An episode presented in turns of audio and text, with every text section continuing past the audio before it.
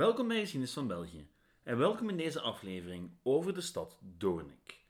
Waarom ik een hele aflevering wijden zal aan een provinciestadje uit Henegouwen? Wel, omdat ze een heel erg boeiende geschiedenis heeft en dat me dat de kans geeft om wat tijd te wijden aan een onderdeel van de pre-Belgische geschiedenis waar men in de geschiedenisles ja, weinig tijd aan besteedt.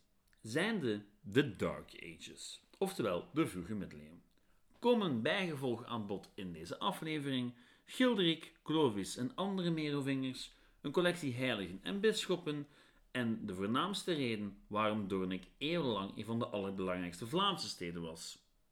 Tot ze dat plots niet meer was. Dat en nog veel meer in deze aflevering van Geschiedenis van België. Welkom. Doornik is boeiend.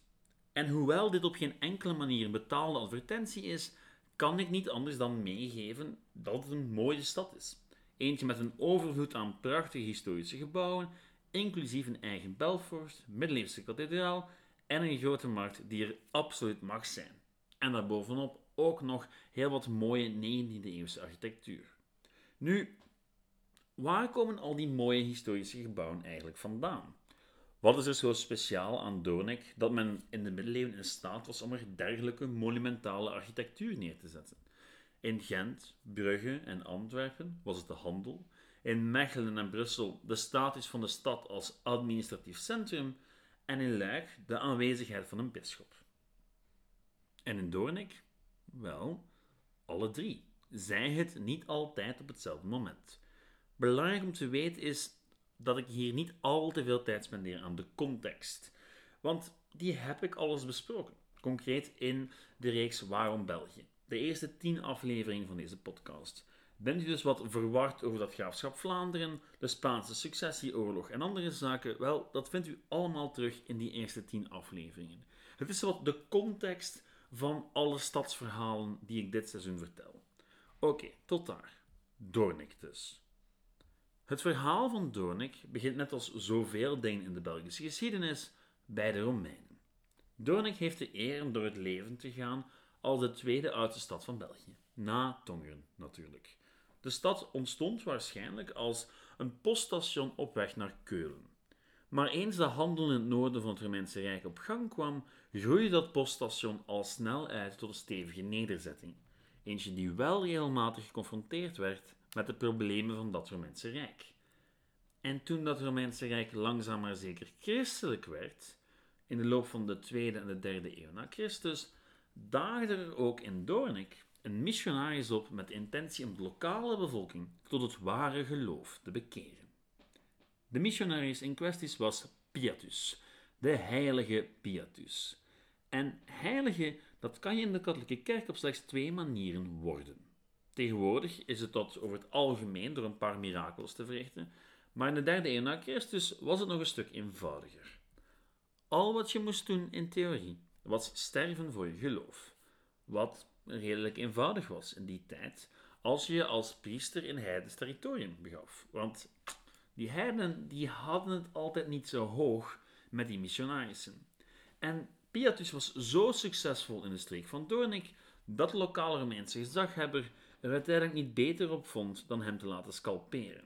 Wat Piatus initieel niet veel deerde. Die nam simpelweg zijn scheeldak in handen en liep de stad uit om dan op eigen initiatief buiten de stadsmuren de pijp aan Maarten te geven. Fantastisch verhaal verklaart ook de nogal rare heilige beelden die u ziet in sommige kerken in Doornik.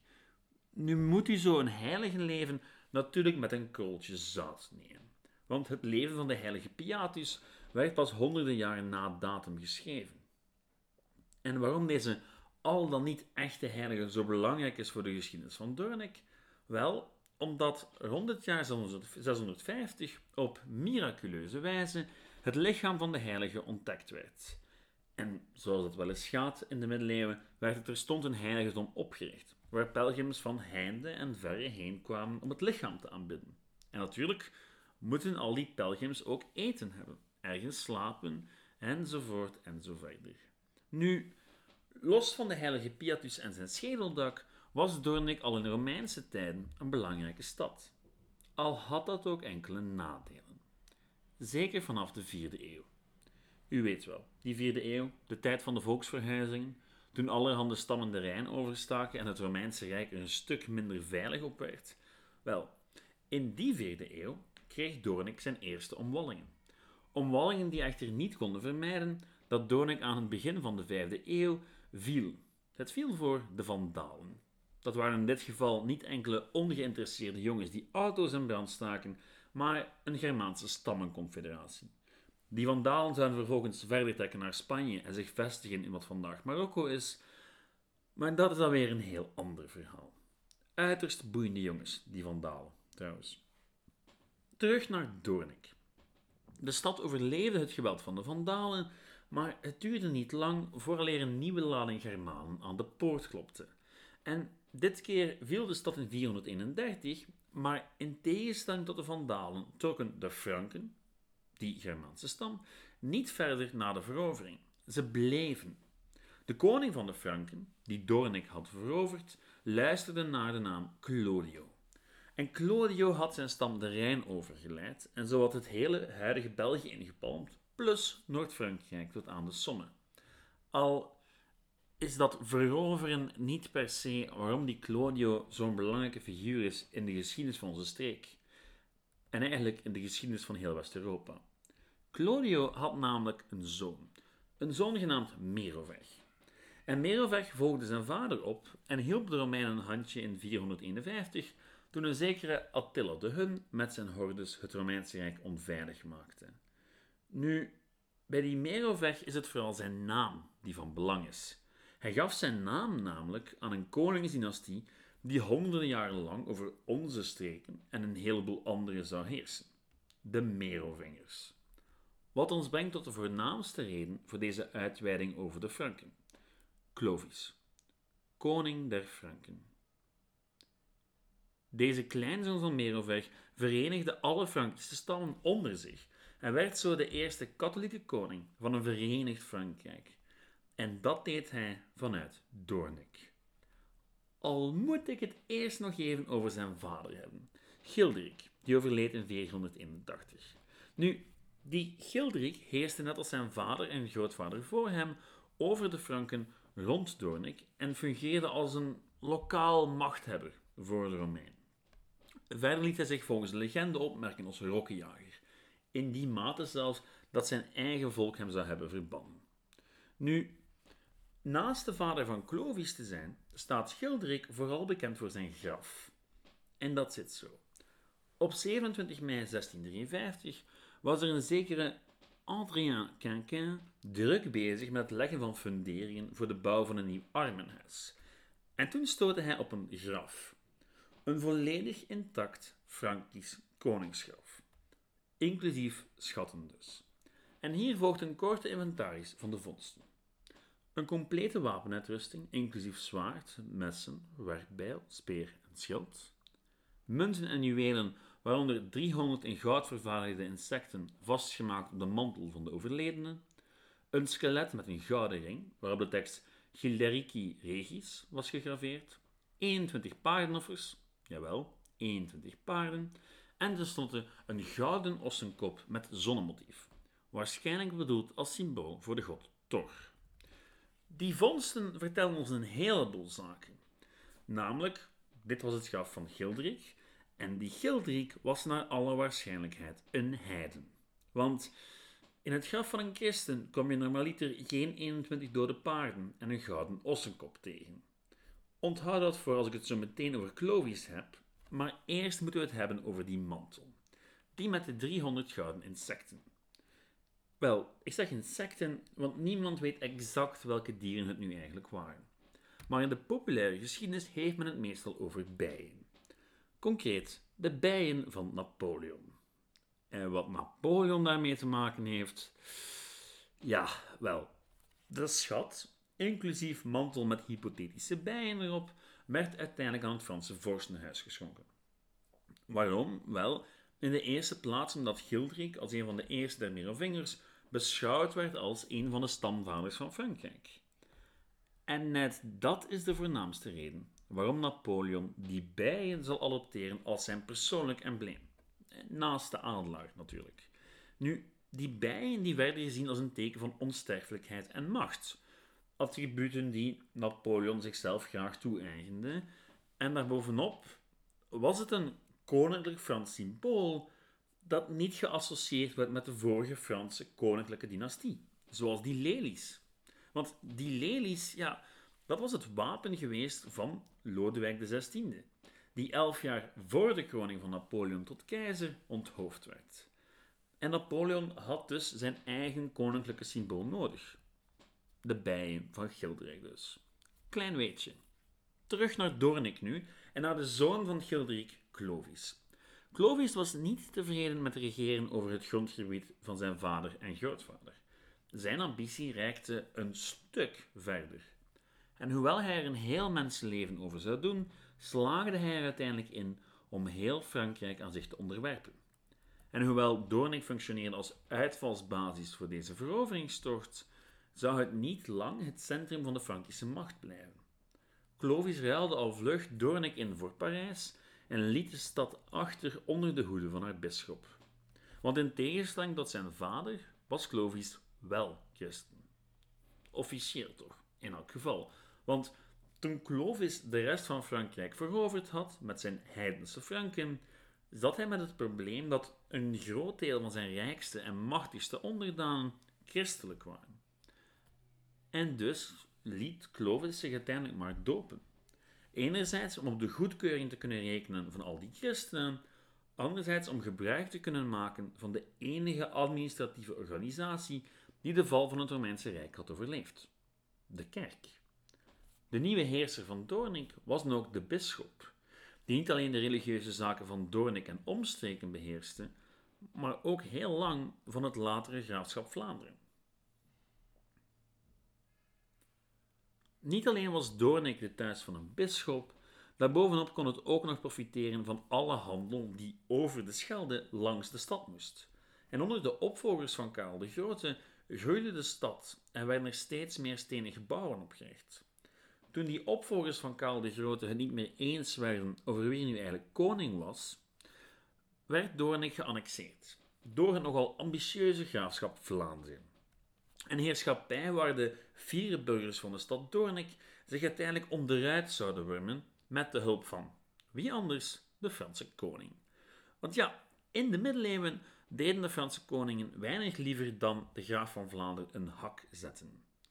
En in de eeuwen die volgden zou Doornik rechtstreeks onder gezag van de Franse koning vallen en zou de stad ja, zichzelf besturen. Vanaf 1188 was Doornik min of meer een gemeentelijke republiek.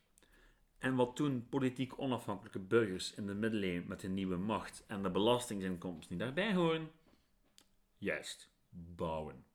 Het mag dan ook geen verrassing zijn dat op het einde van de 12e eeuw in Doornik al het eerste Belfort verscheen. Uit diezelfde periode dateren een heleboel prachtige vroeg-gotische kerken in Doornik. Kerken in Doornikse steen.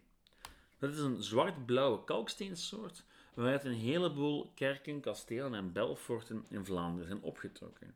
En Doornik werd zo tijdens de middeleeuwen een rijke handelsstad, net zoals Brugge en Gent in dezelfde periode.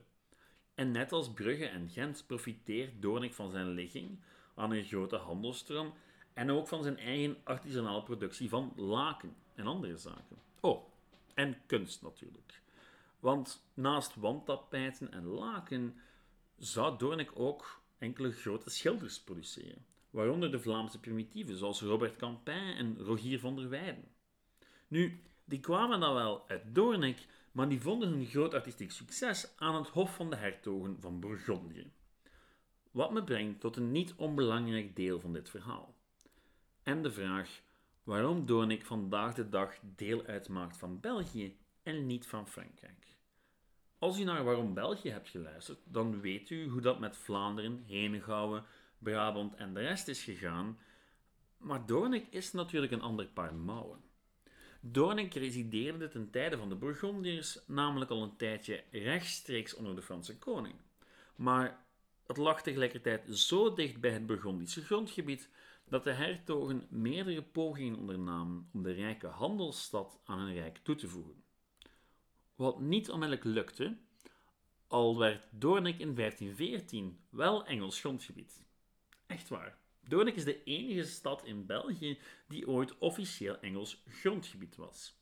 Hendrik VIII, ja, die van de zes vrouwen, nam de stad in bezit in 1514, maar gaf ze uiteindelijk in 1519 al terug aan de Fransen, in ruil voor een flinke afkoopsom.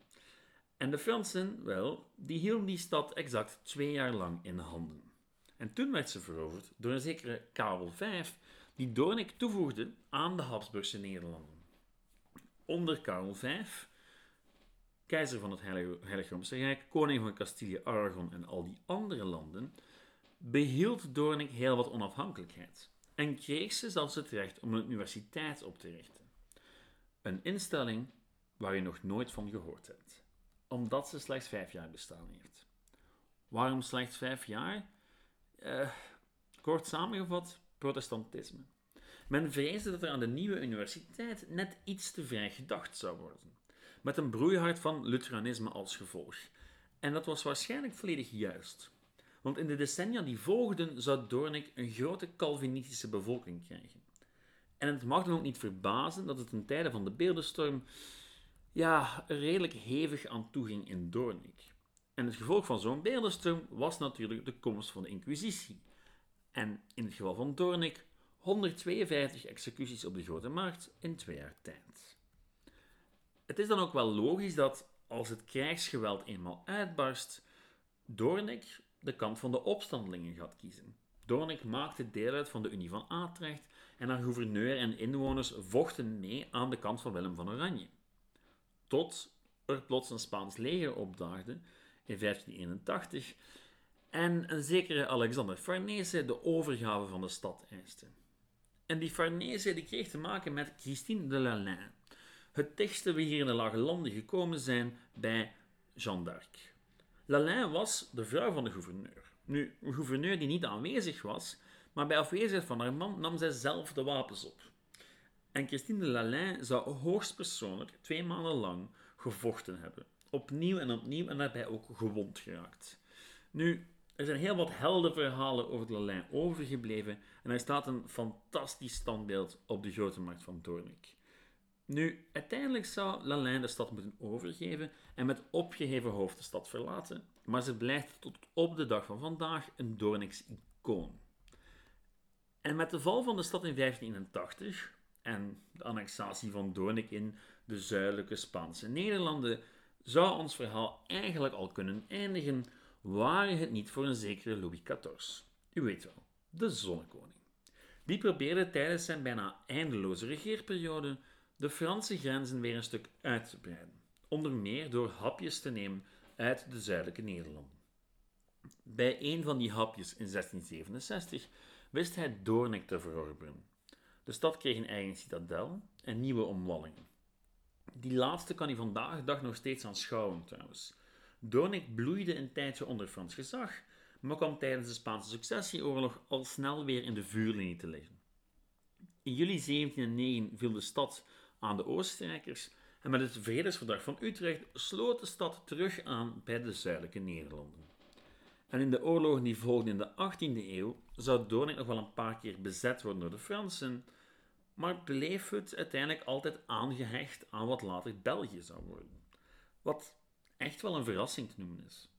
Want historisch gezien had de stad evengoed Frans kunnen zijn. En als voormalige hoofdstad van de Merovingers zou dat best logisch geweest zijn. Maar goed, de logica wordt zelden gevolgd als het over geschiedenis gaat. Vandaag de dag is Doornik geen hoofdstad, zelfs geen provinciehoofdstad, maar wel een gezellig stadje vol oude gebouwen dat zeker een bezoekje waard is.